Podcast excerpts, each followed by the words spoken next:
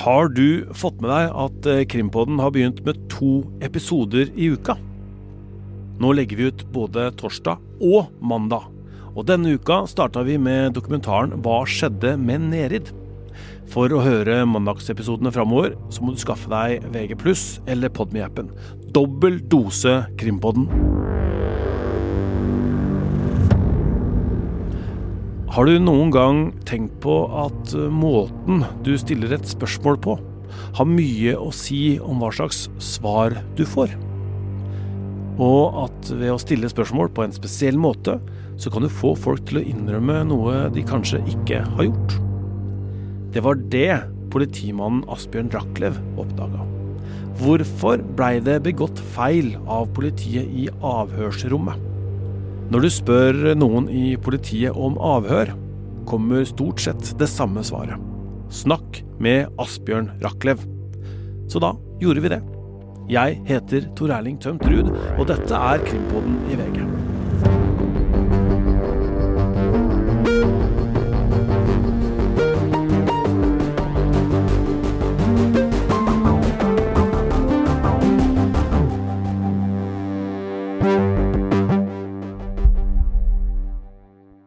Velkommen til eh, Krimpodden, Asbjørn Rachlew.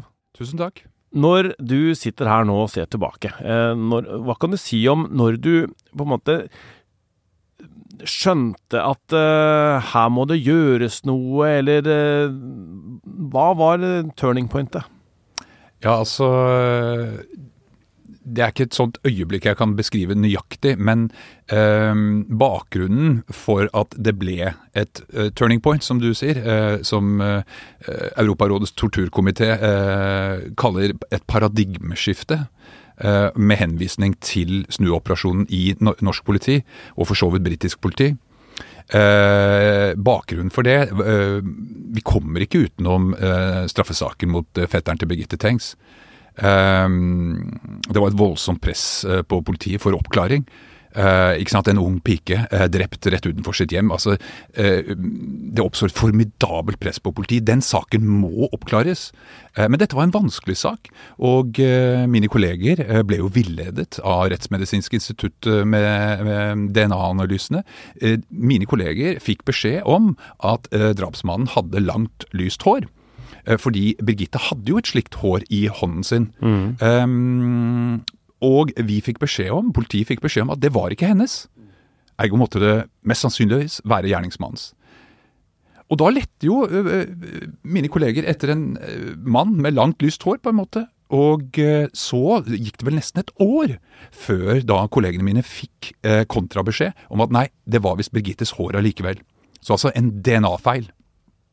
Og Da var det gått et år, eh, og de måtte snu på bunkene igjen osv. Og, så videre, og presset på oppklaring bare øker og øker. Kan dere tenke dere å jobbe med et prosjekt i nesten to år og ikke komme noen vei? Mm. Da oppstår det Vi blir sårbare beslutningstakere fordi at en, en, en løsning, eh, eh, bare konturen av en løsning, framstår så, så psykologisk sett attraktiv at, at man griper den. Og, og, og, da var jo det noen sånne hva skal vi si, tidspunkter og indisier som kunne indikere at fetteren muligens ikke sant, Han var en kandidat.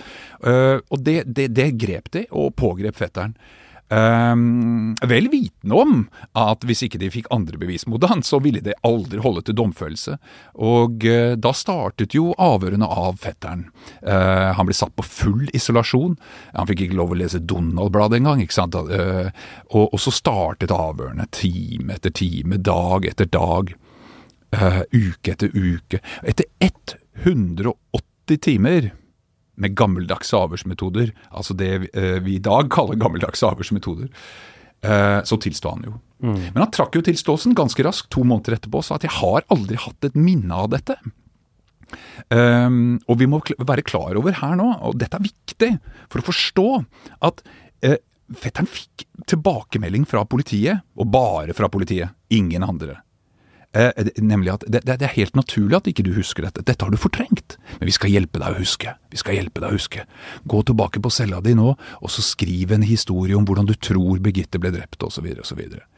Um, og, og, og uh, de metodene som vi den gang brukte, var manipulative i sin oppbygning. Men det kan vi komme tilbake til. For poenget er nemlig at da fetteren trakk tilståelsen, så sto påtalemyndigheten og politiet for så vidt overfor eh, Hva gjør vi nå? Eh, skal vi ta ut tiltale, eller han sier han ikke har gjort det, og vi har jo ikke veldig mye annet bevis enn den tilståelsen. Nei, men han har jo signert på den. Mm. Og det er nok detaljer i den til at vi, eh, mente påtalemyndigheten, til at vi kan ta ut tiltale. Husk på, i Norge, påtalemyndigheten tar ikke ut tiltale med mindre A. De er overbevist om at de kan bevise skyld utover enhver tvil. Ehm, men eh, da må de først selv være overbevist, utover enhver tvil, at vedkommende er skyldig. Og han ble jo dømt i første instans, med bakgrunn i den uh, tilståelsen. Heldigvis så eh, hadde fetteren gode forsvarere, aktive forsvarere, eh, som gikk inn eh, i avhørene og forlangte å få dagbøkene til etterforskerne osv. osv. Og, og eh, forsto at her, her, står vi overfor en meget problematisk tilståelse. Og da var Klumset, Sjødin, hans team, Harald Olsen osv. De var altså så på G at de, her må vi ha ekspertise. Vi må ha verdens ledende ekspertise. Og hentet inn professor Gisle Gudjonsson fra England. Um, Gudjonsson han hadde jo eh, forsket på politiavhør uh, i, og vært involvert i store rettsskandaler i, England allerede i si, over 20 år. Han var og er verdens ledende hva skal vi si, uh, forsker på, på politiavhør, på politietterforskning og falske tilståelser spesielt. Og Gisli har den fordelen at han er islandsk, så han, han kan norsk. Mm. Så han, han, kunne lese avhørene, han kunne intervjue fetteren, han, han intervjuet mine kolleger, og så sto han fram uh, som rettens sakkyndige myndige og kom med knusende kritikk eh, mot norsk politi. Avhørene av fetteren i Birgitte Tengs-saken det skal vi snakke mer om i Krimpodden. Vi skal komme tilbake til det i senere episoder også. De er såpass spesielle eh, og, og, og, har ført til såpass store endringer at det må vi ta for oss i dybden. Men du jobba jo i politiet eh, den gangen der. Eh, eh, da dette foregikk, og så går det noen år, ikke sant. Eh, eh, denne saken eh, Ja, det, det, går noen år, den, den forblir uløst. Men du jobber da altså med Eller hvordan kom du da inn i å jobbe med avhørsteknikker og, og det arbeidet ditt? Ja, altså Jeg var jo da, da Birgitte ble drept og etterforskningen pågikk eh, lokalt, og, og, og, med assistanse, eh, bistand fra Kripos, så jobbet jeg som drapsetterforsker i Oslo. Eh, så jeg hadde ikke noe konkret med den saken å gjøre. Men det er klart, miljøet eh, blant drapsetterforskere i Norge er, er heldigvis ikke stort. Um, men vi fulgte jo med, selvfølgelig, når ankeforhandlingen mot fetteren eh, skulle ta til. Eh, og det var kommet gjennom media og, og, så videre sterk kritikk, og, og, det var stor spenning knyttet til eh, det sakkyndige vitnemålet til Gisle Gudjonsson, professoren som ble hentet inn. Og eh, han sto fram i eh, domstolene eh, og fikk veldig liten tid. de ville egentlig ikke ha han der. Uh, den sakkyndige på den andre siden, altså påtalesiden, Ulf Aasgaard, den svenske psykiateren, han fikk jeg vet ikke, en dag, eller hva det var. I hvert fall mer tid. Uh, mye mer tid. Mm. Men Gisli var tydelig i sitt budskap til juryen og, og, og for så vidt retten. Han sa at hvis dere ikke har andre bevis mot fetteren, så, så må dere være forsiktige.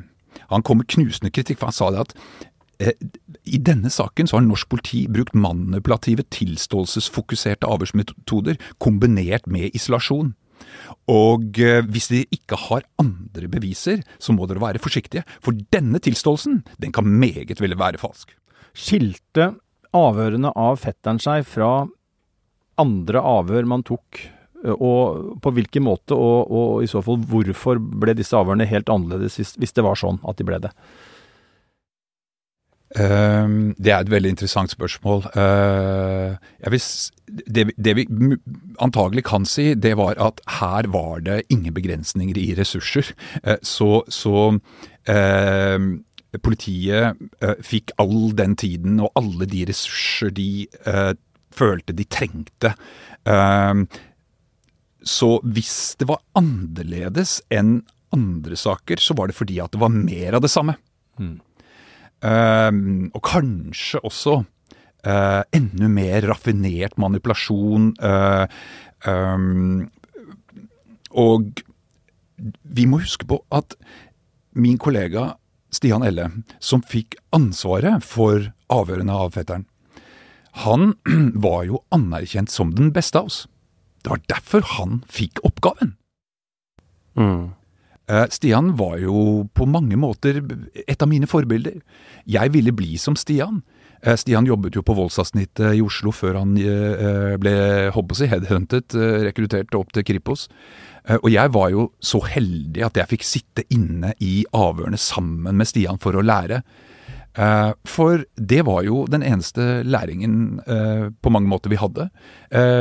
Dette var før norsk politi fikk opplæring i avhørsmetodikk. Eh, det var anerkjent som en kunst, en, en, noe du tilegnet deg, en ferdighet som bare var mulig å tilegne seg gjennom erfaring. Og uh, årsaken til det var jo at vi hadde jo ikke noe opplæring. Um, men, men, betyr det at det er fare for at uh, det er flere tilståelser, flere saker som ikke er oppdaga, hvor manipulative metoder har ført til feil resultat? Ja, det ville jo være naivt å tro noe annet. Um, altså det som er viktig å få med seg i kronologien, i historikken, det er jo at da Gisle Gudjonsson kom med denne kritikken, voldsomme kritikken, så var jo selvfølgelig vår første reaksjon ikke sant? Hvem er denne professoren? Mm. Som kommer hit til Norge, liksom, og sier at vi driver med hva, hva han kalte det for noe, manipulasjon, eller vi visste knapt hva det var. liksom, altså, Det drev vi i hvert fall ikke med! Hvor mange avhør har han tatt? Mm. Det var den første reaksjonen. Men heldigvis, Gisle Gudjonsson og Irving de skrev hver sin sakkyndige rapport som de la ved som dokumentasjon. Og den rapporten var det noen av oss som fikk tak i. Det var kanskje en ny generasjon på vei fra eh, det som begynte å bli en politihøyskole med litt sånn Iallfall eh, så var det noen av oss som, som, som plukket opp den og begynte å lese. Og, og, og jeg og Ivar Fasing var også med. Vi, vi oppdaget at faen Som også jobber ved Politihøgskolen nå? Ja, ja. Mm. Vi har jo jobbet sammen hele tiden, hele livet. Eh, altså aktive karrieren, da. Eh, og det begynner jo å bli noen år. Eh, og så så vi at Gisle Gudjonsson i rapporten sin, i tillegg til den knusende kritikken, men så refererte Så var det en sånn parentes, parentes, og så sto det liksom eh, et navn også et årstall bak. Liksom ja, Å ja, det var en henvisning Å ja, til en bok? Eller til et vitenskapelig tidsskrift? Til et studie som handlet om politiavhør? Eh, kunnskap som vi ikke visste eksisterte? Vi hadde ikke hørt om det engang! Og da uh, var jeg i en sånn situasjon at jeg, jeg, øh, jeg var håper young, free and single og, og, og, kunne gjøre som jeg ville. Uh, hadde ikke noe familie eller noe sånne knytninger, så jeg sendte en søknad inn til mine sjefer, Finn Abrahamsen uh, og Gunnar Larsen, uh, som jobbet og var sjefer på drapsavdelingen i Oslo på den tiden. Og de hadde vært på universitetet i Liverpool på noen sånne konferanser. Eh, og, og, og, og, så så de at jeg søkte et masterstudie på universitetet i Liverpool, som var verdens ledende, og er verdens, et av verdens ledende forskningsinstitutter på hva skal vi si, etterforskningspsykologi. Men jeg ba ikke om et ukeskurs. ikke sant? Det var jo det som var vanlig. og Kan jeg få gå og dra på Politihøgskolen på et kurs, liksom? Men jeg ba om permisjon i ett år for å ta en mastergrad. Og da var øh, Ja, det var jo Roger Andresen som var kriminalsjef, og Ingelen Killengren var politimester. Og de signerte og godkjente den søknaden. Øh, og var enige med meg om at kanskje det kunne være noe i denne kunnskapen som Gudjonsson refererte til. Og så fikk jeg da anledning til å reise over til Liverpool og starte å lese. Og til å begynne med så ble jeg forvirret. Altså, for det, det sto så mye i disse bøkene og, og, og, og vitenskapelige studiene som, som, ikke stemte overens med min oppfatning av Og jeg var jo drapsetterforsker på den tiden, så det startet med forvirring. Men så, så, så begynte jeg å forstå. Og så jeg kan ikke si plutselig, men man får noen sånne eureka-opplevelser i ny og ne. Det er ikke ofte som voksne, men det fikk jeg. Og så forsto jeg at jeg, jeg, jeg, hadde funnet en gullgruve av kunnskap eh, for norsk politi. Så for meg så gjaldt det bare da å ta altså, med så mye av den kunnskapen tilbake til Norge. Jeg, mener å huske at utkastet til masseavhandlingen min var 260 sider, eller hva det var for noe, og maks var 120. ikke sant? Så det ble en formidabel jobb for veilederen å, å stryke. Men det endte med masse vedlegg. Men det var jo sånn at du kom tilbake med den kunnskapen som du, du sier, og, og, og, og, Riksadvokaten på den tida der eh, ble vel eh, nysgjerrig og, ba deg om å, å, vise de andre hva du hadde funnet. Ja. Eh, hvordan var det? Nei, det var eh, Det, det, det er helt riktig. Eh, Tor Aksel Busch, som da var vår riksadvokat, han inviterte meg eh, til eh, sitt kontor, eh, hvor han hadde da sørget for at alle hans kolleger satt rundt. Og spurte meg hva har du funnet. Og det er klart det at det, Fordi det var jo litt sånn kaos i norsk politi på dette tidspunktet. ikke sant? Birgitte-saken og fetteren var frifunnet og falsk tilståelse. Altså Det var virkelig et sånn vakuum, et, et, et sånn usikkerhet. Så han inviterte meg, og jeg forberedte meg godt og presenterte hva jeg hadde funnet, og sa at Gisle Gudhusen hadde rett. Og jeg kunne dokumentere det. Jeg kunne dokumentere det. Uh, fordi jeg som uh, innsideforsker hadde tilgang til interne skriv som var skrevet av sjefer og avhørseksperter uh, på Kripos. Eh, og jeg analyserte jo de interne skrivene i lys nå da av den kunnskapen jeg hadde, og jeg så jo at alt det Gisle Gudjonsson hadde funnet uten disse interne skrivene, stemte på, til punkt og prikke. Hva var det som sto i disse interne skrivene da? Ja, det var ulike former for manipula eh, manipulative triks for å, eh, med ett mål for øye for å få den mistenkte til å tilstå. Mm. Hvordan var reaksjonene da, eh, etter at du hadde eh, dette, presentert dette for Riksadvokaten og hans kolleger, og, og resten av Politi-Norge? Ja, jeg husker veldig godt at uh, Tor Aksel Og jeg var veldig usikker. Når jeg var ferdig med presentasjonen, så var jeg veldig usikker på hva han hva, han, han, han, hadde for vane å alltid kommentere og, og gi tilbakemelding, og, og, det gjorde han også nå. Uh, og uh, Sedvanlig nok så hadde han vel tre punkter, eller to punkter, eller hva. Men, men, men, men et av de var at uh, jeg er invitert til å holde et innlegg på den nasjonale etterforskningslederkonferansen uh, på Kripos som er om 14 dager, eller hva det var. Uh, den tiden skal du ha. Og, si, og fremføre nøyaktig det foredraget du har holdt nå. Mm, og det gjorde du. Du var hos Kripos da og fremførte dette. Ja. Hvordan var det i salen da? Nei, det var eh, Det var eh, Det var, eh, det var en spesiell opplevelse for meg, og for de som satt og hørte på. Fortell. Ja, altså jeg, jeg, skulle jo nå vrenge sjela, ikke sant, og si at vi må endre oss.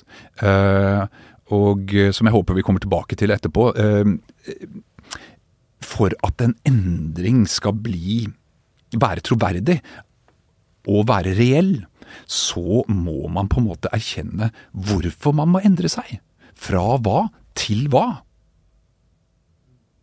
Eh, så jeg måtte holde opp eh, da eh, sitater fra de interne skrivene som dokumenterte at Gisle Gudjonsson hadde rett. Og, og de som hadde skrevet dette, disse manipulative teknikkene som jeg problematiserte, de satt jo i salen. Jeg så det jo. Dette var jo venner, kolleger, forbilder uh, av meg.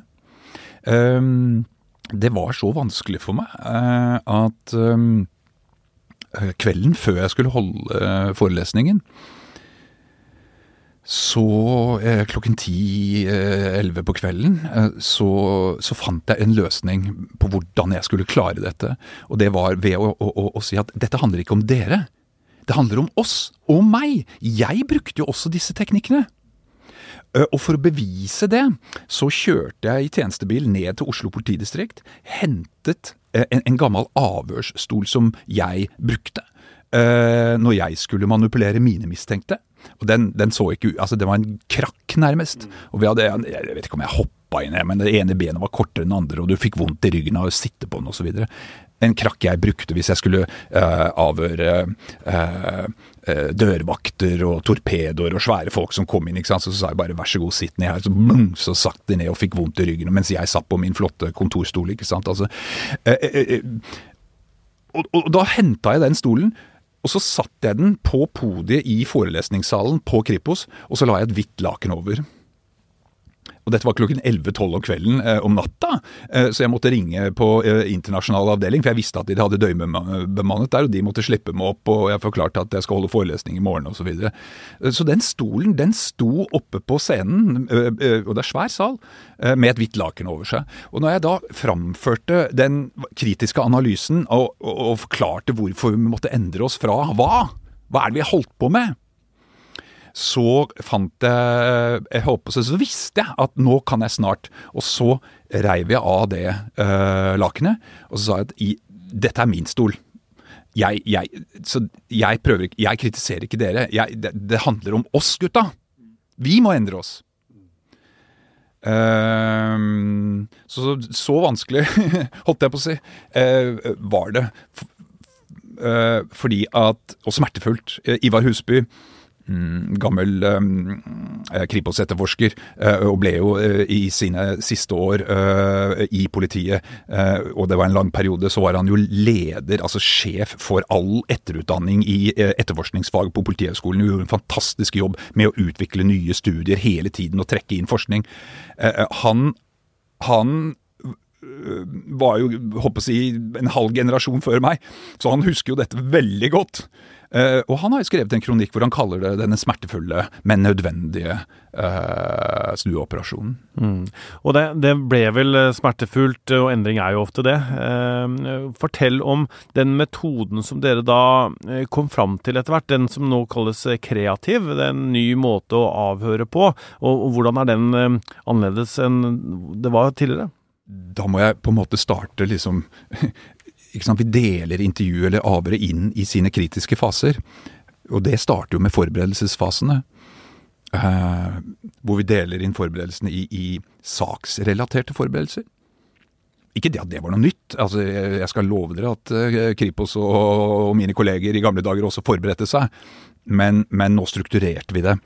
Det er de saksrelaterte forberedelsene. Hvor hvilke spørsmål skal vi stille, hvilke temaer, også, ikke vi, i, i hvilken rekkefølge osv. Og, og så er det de fysiske forberedelsene. Hvordan skal vi sitte, altså avhørsrommet, hva og, og, der finnes det kommunikasjonsteori som vi ikke hadde utnyttet. ikke sant? Vi hadde jo ikke denne kunnskapen.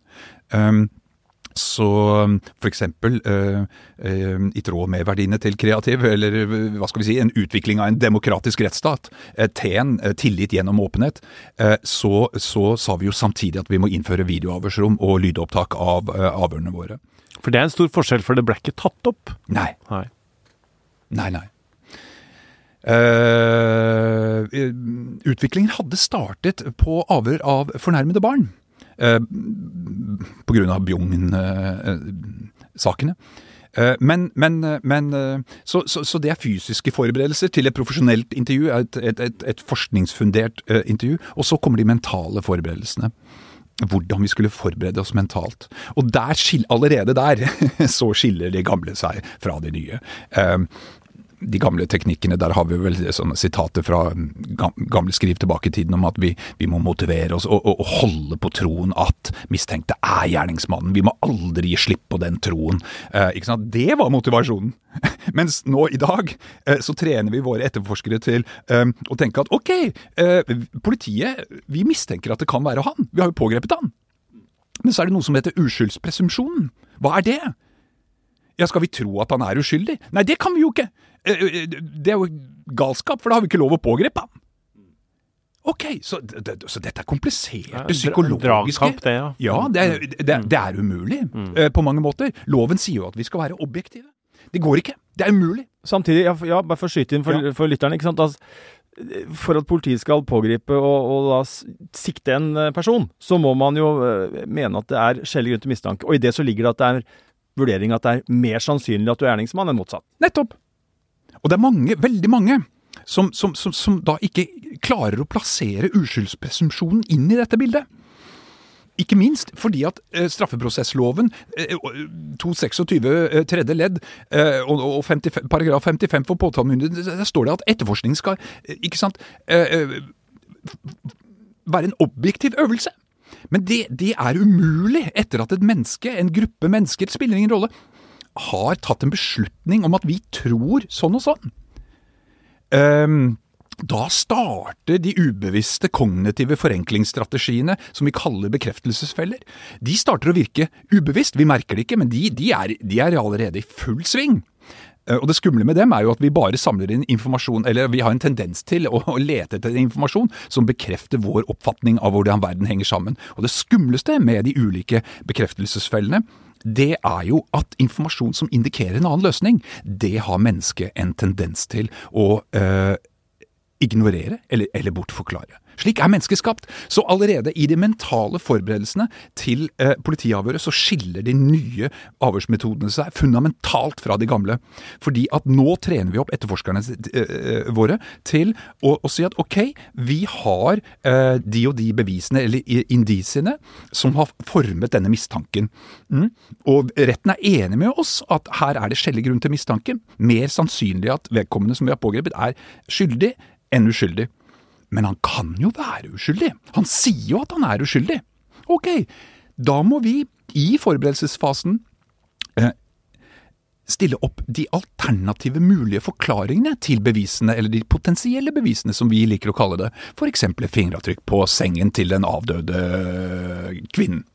Vi har fingeravtrykket til den mistenkte på den sengen, men han sier han er uskyldig. Ok, da må vi i forberedelsesfasen, mentalt og saksrelatert, her kombineres det, eh, identifisere Hvis han er uskyldig, så finnes det en annen naturlig forklaring til at hans fingeravtrykk er på sengen. Og de må vi identifisere før avhøret starter. Og så må vi teste ut om eksempel vil jeg spørre deg um, om du bruker finn.no. Bare for å ta ett eksempel. Svar da, Øystein. Ja. Nettopp. Det gjør jeg også. Eh, fortell meg, hvordan bruker du finn.no? Jeg søker på reiser. Mm -hmm. Jeg kan kjøpe uh, brukte møbler. Jeg ja. kan kjøpe konsertbilletter som ingen får brukt. Ja, ja. Den type ting. Ja, nettopp. Eh, samme her. Eh, har du kjøpt noe på Finn? Ja, det har jeg gjort. Mm. Men solgt noe? Ja, det har jeg også gjort. Akkurat. Mm. Det er jeg litt interessert i. Kan ikke du fortelle meg alt om, eh, om, om det? Nei, Det handler om uh, brukte gjenstander. Det handler om uh, sportsutstyr. Det handler om noen møbler. Ja, mm. Ting som man da forsøker å at noen andre kan få glede av. Kvitte kvitt seg med, mm. og samtidig eh, holdt på å si ivareta miljøvern og Ja, det, det, er rett og slett Jeg liker det selv. Du nevnte at du har solgt møbler på Finn. Akkurat det er ganske viktig for denne straffesaken. Så nå ønsker jeg at du forteller meg absolutt alt. Og vi har god tid. Eh, så samtlige si, salg som du har gjort på finn.no, som knytter seg til møbler, eh, det vil jeg gjerne høre. Eh, og, og ta deg god tid, og ta med alle detaljene om de salgene. Oi, oi, oi. Uh, ja, nå spør du om mye. ja. uh, Men som sagt, vi har god tid, og, og dette er viktig. Ja, jeg, jeg, jeg, tror ikke jeg klarer å gi deg noe eksakt svar på det uten å gå tilbake og sjekke på Finn-brukeren min. Eh, annonser, eh, Riktig. kommunikasjon. Eh, kanskje jeg må gå inn og se på eh, kontoen min. Ja. Eh, jeg må kanskje snakke med kona mi for å få hjelp til å huske det. Ja, det mm, ville vært veldig flott. Eh, og eh, hvis eh, Nå er det slik at du er varetektsfengslet osv., bla, bla, bla. Og så ville vi jo da eventuelt søkt om, om, om en, et samtykke til at vi kan gå inn på disse kontoene. Og så kanskje Kanskje så har du solgt en seng til den jenta som vi nå etterforsker. Det, altså, ikke sant? Da har vi Poenget er at de nye avhørsmetodene, i motsetning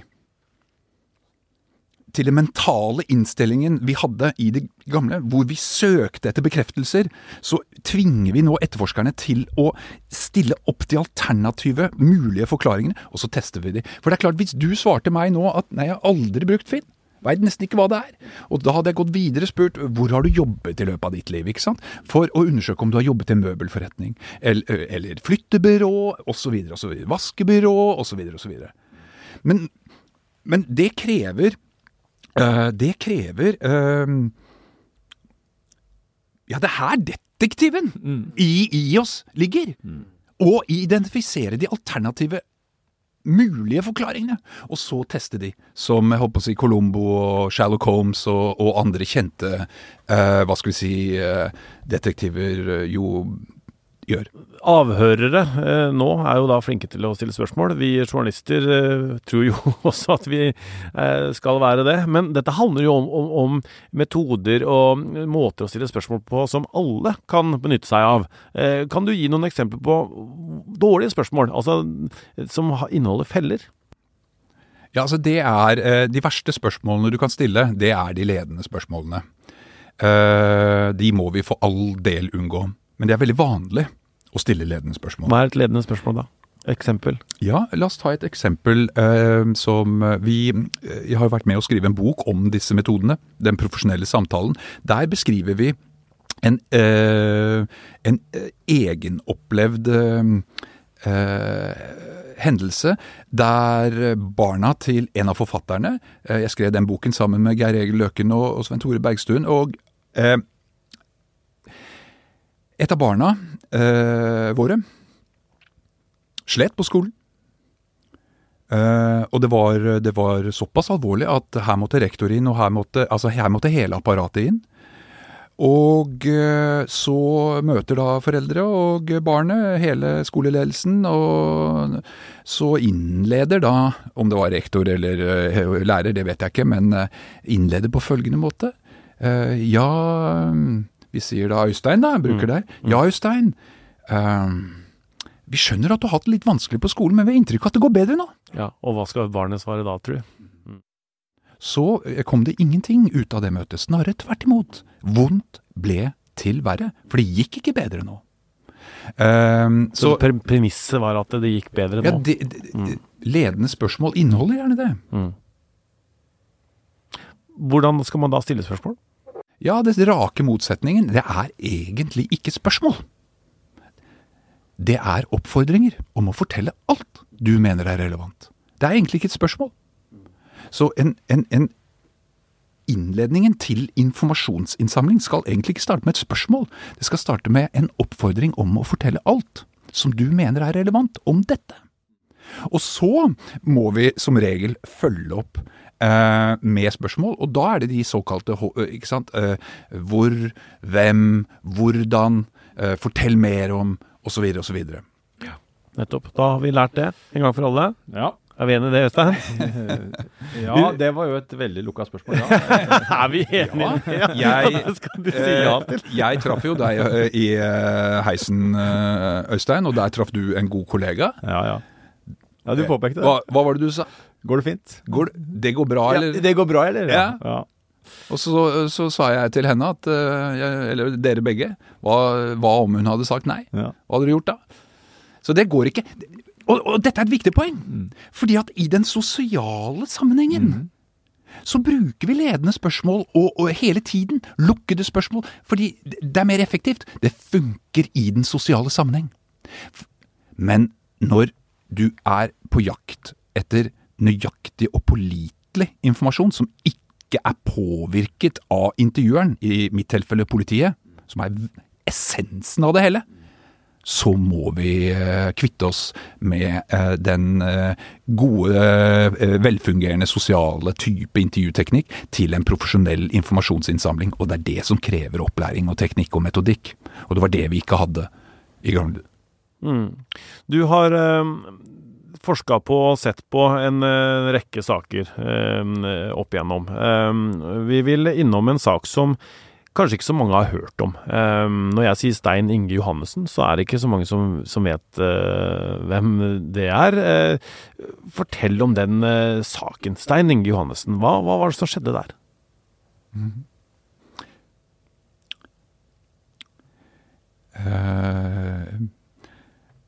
nå, nå, nå nå begynte jeg nesten å grine, ikke sant? For jeg kjente Stein Inge veldig godt. Han ble en nær venn og kollega av meg. Stein Inge, han, Stein Inge han, han uh, hadde familie, to firmaer i Bærum, 30 år. Uh, men han, han, begynte å jukse med medikamenter for å holde seg våken om natta. Jobba, jobba, jobba. Og så sklei det fullstendig ut og, og, endte med kokain, og, og han ble syk. Uh, og, han ble så flau når den boblen sprakk at han, bare rømte inn til Oslo til hva skal vi si det, det, tyngste rusmiljøet i Oslo. og mens han levde der, så ble han eh, ikke bare mistenkt, men han ble siktet for et drap eh, på en annen eh, som levde, var like syk som han. Eh, og det var bakgrunnen i en vitneforklaring som var eh, feil. Og eh, Stein Inge ble varetektsfengslet med brev og besøksforbud, som vi kalte det den gangen. Det hørtes nesten litt sånn fint ut. Eh, men vi har jo fått påpakning av Europarådet og osv. for å kalle det hva det er. Full isolasjon. Og det gjør noe med mennesker. Og legg merke til de, mange av de sakene, ikke alle, men flere av de sakene som, som, som har vært problematiske for oss. Og Norge har fått kritikk for vår bruk av isolasjon og varetektsfengsel. Og det får vi fortsatt. Der må vi skjerpe oss. Vi må finne andre måter å løse kriminalsakene våre på enn å bruke så mye varetekt og isolasjon som vi gjør. Men nok om det. Stein Inge satt eh, seks måneder eh, eh, siktet for et eh, drap han ikke hadde begått. Og eh, heldigvis eh, Det som skjedde For jeg innledet jo samarbeid med Stein Inge etterpå, da det ble klart at han var uskyldig hele tiden.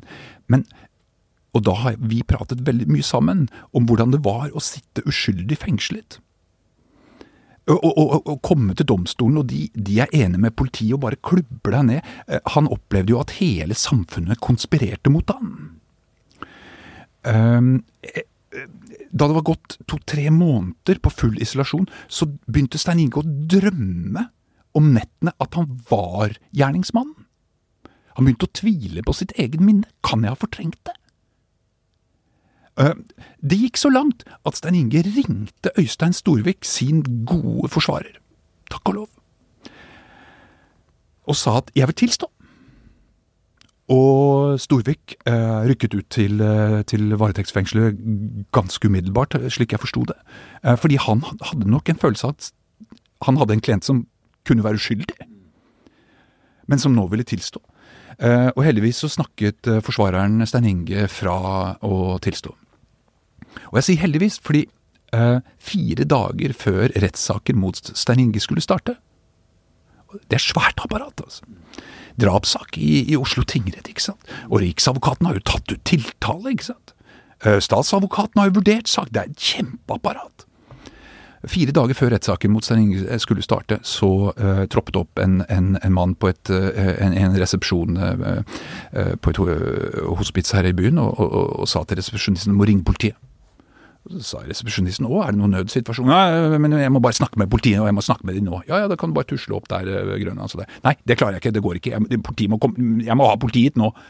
Men det skjedde ikke. Men, men, da var denne personen så desperat at han tok fram en lighter, og så tente han på noen kunstige blomster eller noen små gardiner mm. eller et eller annet. Og da kom jo politiet veldig raskt.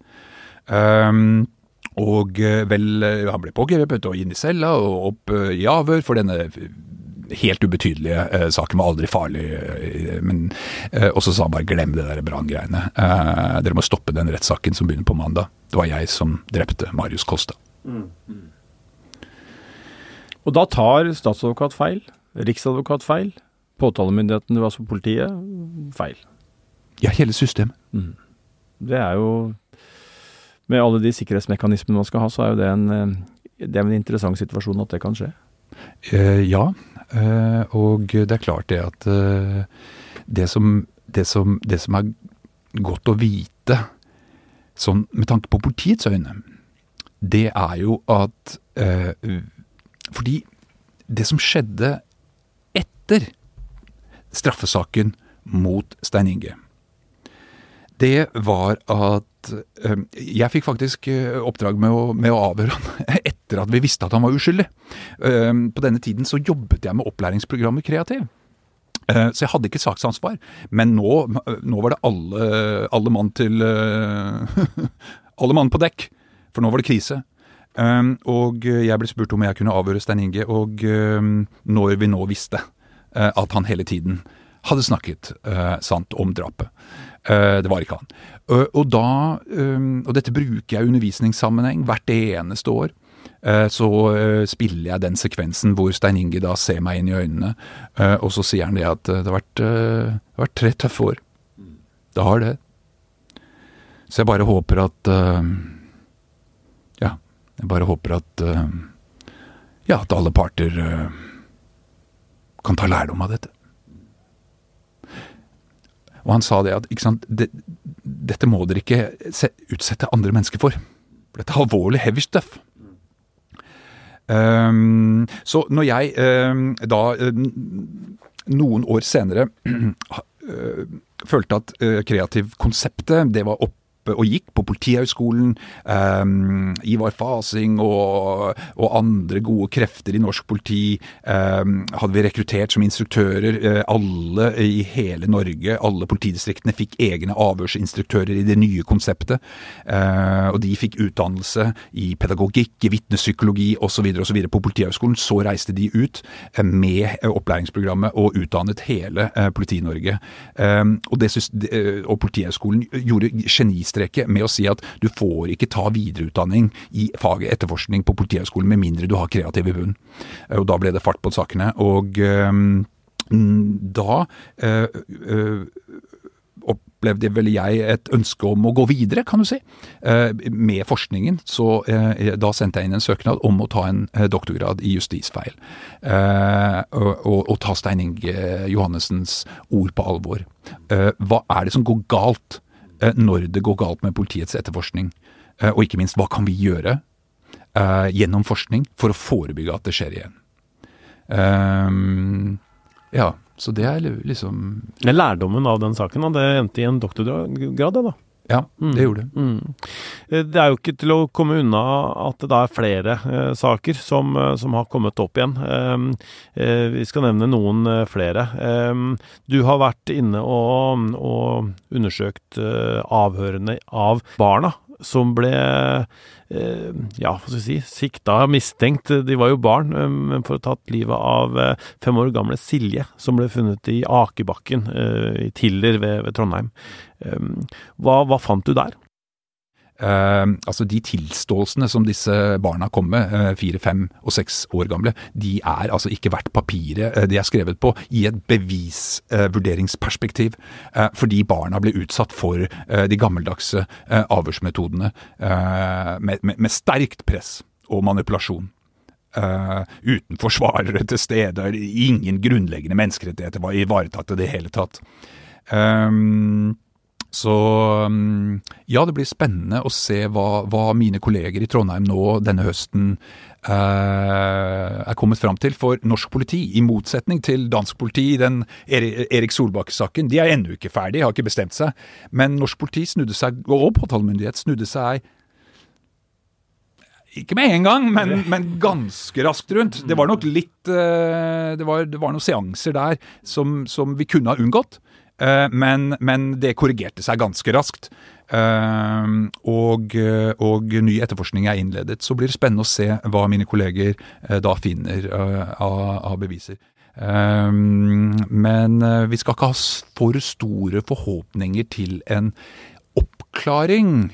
Eh, fordi i motsetning til Birgitte-saken, som jo skjedde på samme tidspunkt, eh, så dessverre har ikke mine kolleger i Trondheim på den tiden oppbevart noen av de hva skal vi si, tekniske bevisene. Eh, klær osv. Det er bare håper jeg, enten destruert eller levert tilbake. Det er borte. Så, så, det, så, så det, blir nærmest umulig, tror jeg, da.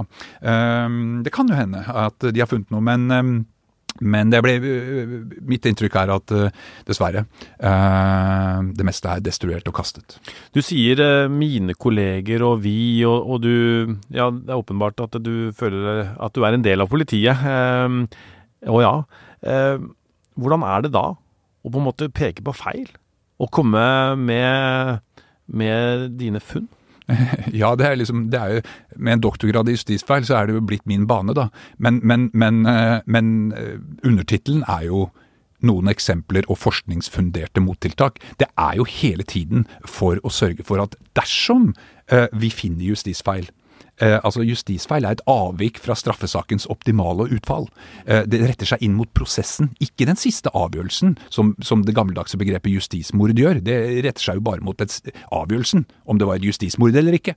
Eh, eh, justisfeil retter seg inn mot prosessene, om, om, om det finnes, om det er gjort feil der. Altså om det finnes. Og hvis det er gjort feil eh, i avhørsmetoden eller eh, de tekniske analysene eller hva det måtte være. Hvis det er gjort feil, så må eh, vi straks innlede undersøkelser som tar sikte på å avdekke om eventuelt hvilke systemiske årsaker som forårsaker dem. For det er kun slik vi kommer videre.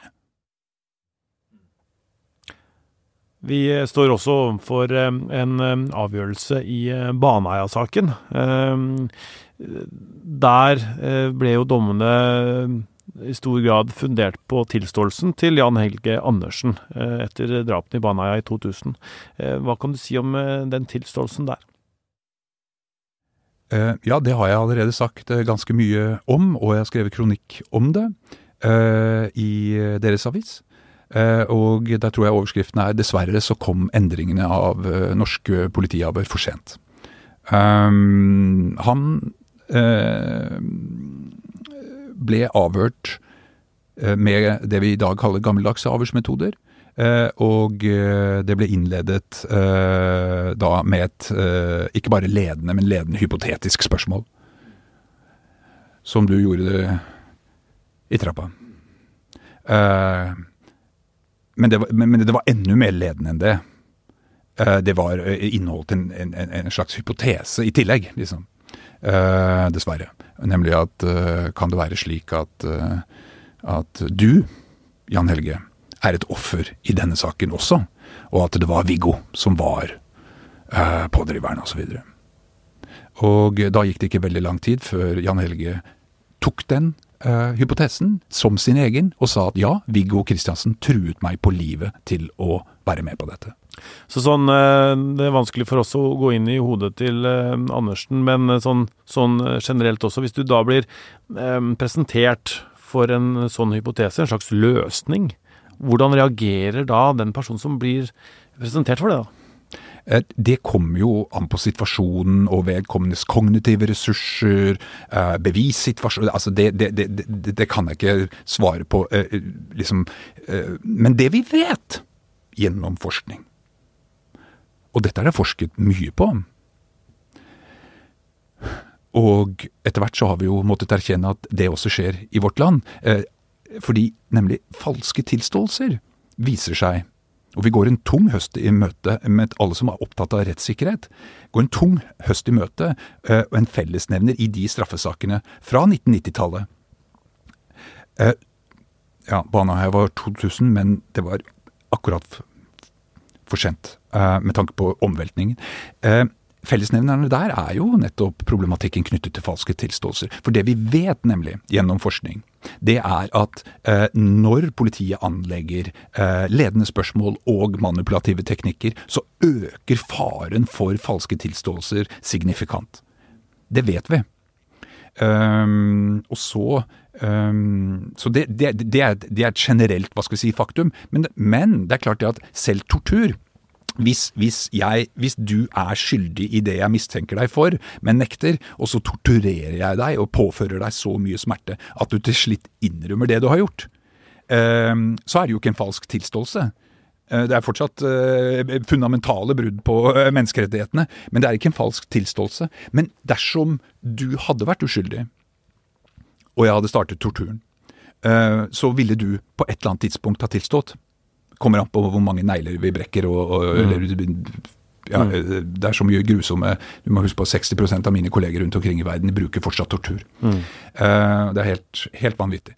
Men poenget er nemlig at også manipulative, ledende eh, eh, avhørsmetoder har samme skumle effekt som tortur og andre hva skal vi si, pressmidler. Eh, nemlig at eh, det kan få eh, eh uskyldige mennesker til å innrømme eh, grove ja, forbrytelser som de ikke har begått. Du sier at vi går en mørk høst i møte, eh, således. Og derfor har du da skrevet kronikken som vi har hatt på, på trykk i, i VG, eh, der du tar til orde for at eh, ja, som du sier, politiet har lært mye opp gjennom åra eh, når det gjelder bevisvurdering, men nå er det påtalemyndigheten sin tur. Eh, forklar hvorfor det. Det jeg skriver i kronikken, det er eh, Jeg skriver kanskje egentlig til justisministeren og befolkningen til å forklare at eh, norsk politi eh, i eh, de, hva skal vi si, de gjennomgående feilene som, som er gjort, de har vi allerede tatt et oppgjør med. Korrigert og lagd system. Eh, et system som av Europarådets torturkomité omtales som et eksempel til etterfølgelse for resten av Europa. Vi har dedikert oss til forskning, og vi kan svare på de fire grunnleggende spørsmålene. Hvorfor vi endret oss, fra hva til hva, og hva gjør vi i dag? Det jeg vet, det er at øh, Og dette, dette, vet jeg, øh, og har fått gradvis større og større innsikt i gjennom min granskning av Thomas Quick-sakene, eh, eh, Fritz Moen Thomas Quick var altså den eh, svenske mannen som heter Sture Bergwall, som tilsto mange, mange drap. Ja, eh, altså, altså, Sture Bergwall, han eh, i, eh, i, sterk narkotikarus, sponset av staten, villedet hele rettssystemene våre syv ganger på rad med sine falske tilståelser. Eh, det ble jo en voldsom eh, hva skal vi si granskningsvirksomhet både i Sverige og i Norge. Jeg var med i den norske granskningen, eh, iverksatt av Riksadvokaten selv. Vi skrev en 550 siders rapport, og, og en av konklusjonene der Fordi min oppgave i den granskningen, det var å intervjue samtlige påtalejurister som hadde hatt noe med tilståelsene til Sture Bergwall å gjøre. Og jeg spurte samtlige hvordan du vurderte det beviset. For det var bare ett bevis. Uh, og svarene uh, spriket i alle retningene.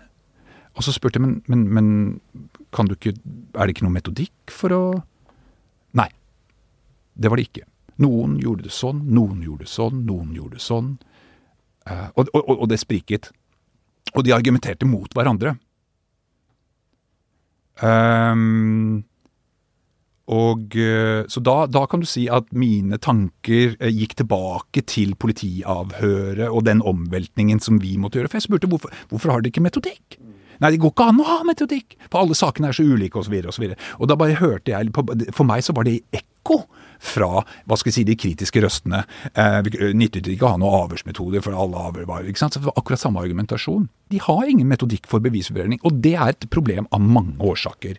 For det første eh, så kan påtalemyndigheten, i motsetning til politiet, de kan ikke eh, eller justisministeren eller riksadvokaten eller hvem det måtte være, kan ikke se inn i kameraene denne høsten og si 'vi har endret oss'. Vi vurderer ikke tilståelser eh, på, eh, på, med en annen fremgangsmåte enn det vi gjorde på 1990-tallet. Eh, for man kan, Husker dere fire spørsmålene? Hvis du skal på en måte argumentere for en troverdig endring at dette, Sjansen for at dette vil skje igjen er, er, mye mindre. Da må du kunne svare på spørsmålet om uh, hvilke uh, metoder, hvilke fremgangsmåter brukte dere på 1990-tallet som dere ikke bruker i dag. Eh, eh, hvorfor endret dere fra hva til hva? Ikke sant? De spørsmålene må kunne besvares. Men uten en metodikk så, så, kan ikke de eh, spørsmålene besvares. Vi, og, og, men alt er ikke helt svart. Altså, det er klart at de har fått mer kunnskap om vitnepsykologi. Mange har lest bøker og, lest godt. Men, men i Bergwall-rapporten så anbefaler vi at en fra påtalemyndigheten må få nå fristilt fem år til å ta en doktorgrad til å undersøke hvordan eh, norsk påtalemyndighet eh, vurderer bevis, med det for øye og eh, forske fram en metode, en fremgangsmåte. Og, og det har ikke skjedd. Slik politi, I politiet Politiet har jo fått midler til det. Mm. Jeg har fått det, Ivar Fasing har fått det, mm. eh, Trond Myklebust, eh, Nina Sunde på Politihøgskolen nå tar doktorgrad i hvordan bekreftelsesfellene påvirker tolkningen av elektroniske bevis. Det, politiet har hatt en, vi har fått mer midler til å utvikle oss enn det påtalemyndigheten på en måte har tillatt seg selv.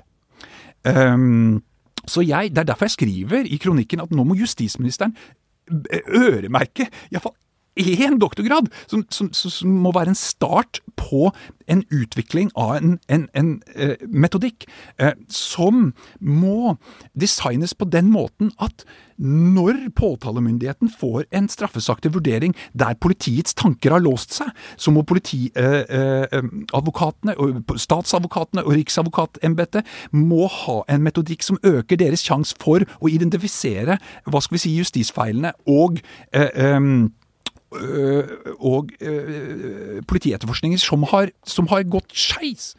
Um, og øh, ja, nei, så ære være, hva skal vi si, den tidligere riksadvokat Tor Aksel Busch. Jeg vet at han hadde blant annet Nils Kristi, den største kriminologen kanskje i verden, iallfall anerkjent av mange som det, som, som er et av, av, sine forbilder. Iallfall vet jeg at de har pratet sammen. Og, og, og, og Bush, jeg vet det, han, han, ønsket jo ikke å utvide påtalemyndighetsmakten til at de skulle bli et voldsomt større. Og, den tanken deler jeg fullt ut. Uh, men, altså at det skal ikke være for mange nei, jurister? Nei, nei, nei, Men problemet, problemet her er og dette vet vi jo. Jeg vet jo dette fra Politihøgskolen. Jeg har jo snakket med mange jurister som kvier seg for å søke etter- og videreutdanning. Fordi at når de kommer tilbake på kontoret, så er bunken dobbelt så stor som det den var da de dro.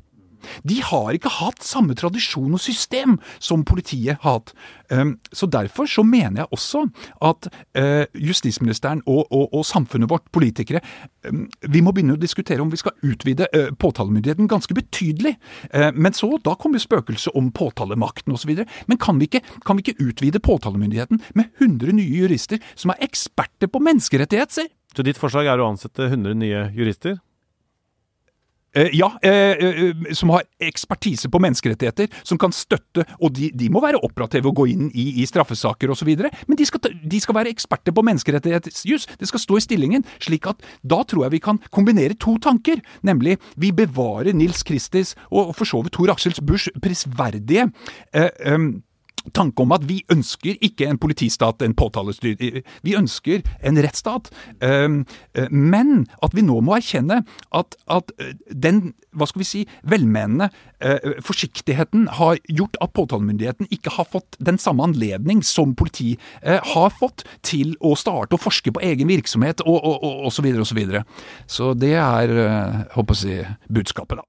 Dette engasjementet, avhørsmetodikken og som har forandret seg. Vi sitter i 2022 nå. Eh, hvordan vil Norge og samfunnet se på det om 20 år?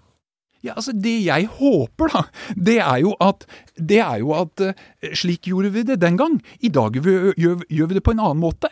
Um, og hadde jeg nøyaktig visst hva det var, uh, så, så, hadde jeg jo foreslått det her nå med en gang. Men det er klart, det, det handler om å bygge opp metodikk og systemer som reduserer de menneskelige feilene.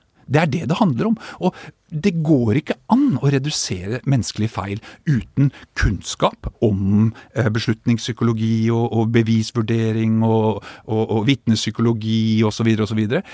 Men kunnskap er ikke nok. Eh, og dette vet Ivar Fasing alt om, for han har tatt doktorgrad i beslutningspsykologi. Eh, nemlig at vi må ha metodikk som tvinger oss metodisk til å um, uh, stimulere det åpne sinn. Men det er heller ikke nok. Du må ha systemer som sørger for at metoden følges. Faktisk. Når, eh, når, du, når, du, da har alt dette på plass, og vi har nevnt eh, disse tre sakene nå, Birgitte-saken, Baneheia-saken, Silje-saken, er det noen saker som du på en måte har tenkt på at eh, hm, det kan være noe feil med? Jeg eh, har inntatt eh, den posisjonen om at Og det spurte du meg om ganske innledningsvis. Liksom, det, kan det være flere, liksom? Og det vil være skummelt, naivt, å tro at, at det ikke er. Um, det som er et viktigere spørsmål, det er liksom Har vi identifisert hva som har gått galt i, i, i de i, sakene som vi er kjent med, og har vi systemer, metoder og kunnskap som gjør at vi forebygger at det skjer igjen. Ehm, det tror jeg må bli mitt hva skal vi si, eh, politiske, diplomatiske, faglige svar til det spørsmålet. Krimkommentator i VG Øystein Milli var med. Produsent er Vilde Våren. Husk da at eh, på mandag så kommer episode tre av den nye dokumentaren vår 'Hva skjedde med Nerid'. Hør episode én og to før du går løs på den. Og skaff deg VG+, eller Podme-appen, så får du Krimpodden to ganger i uka.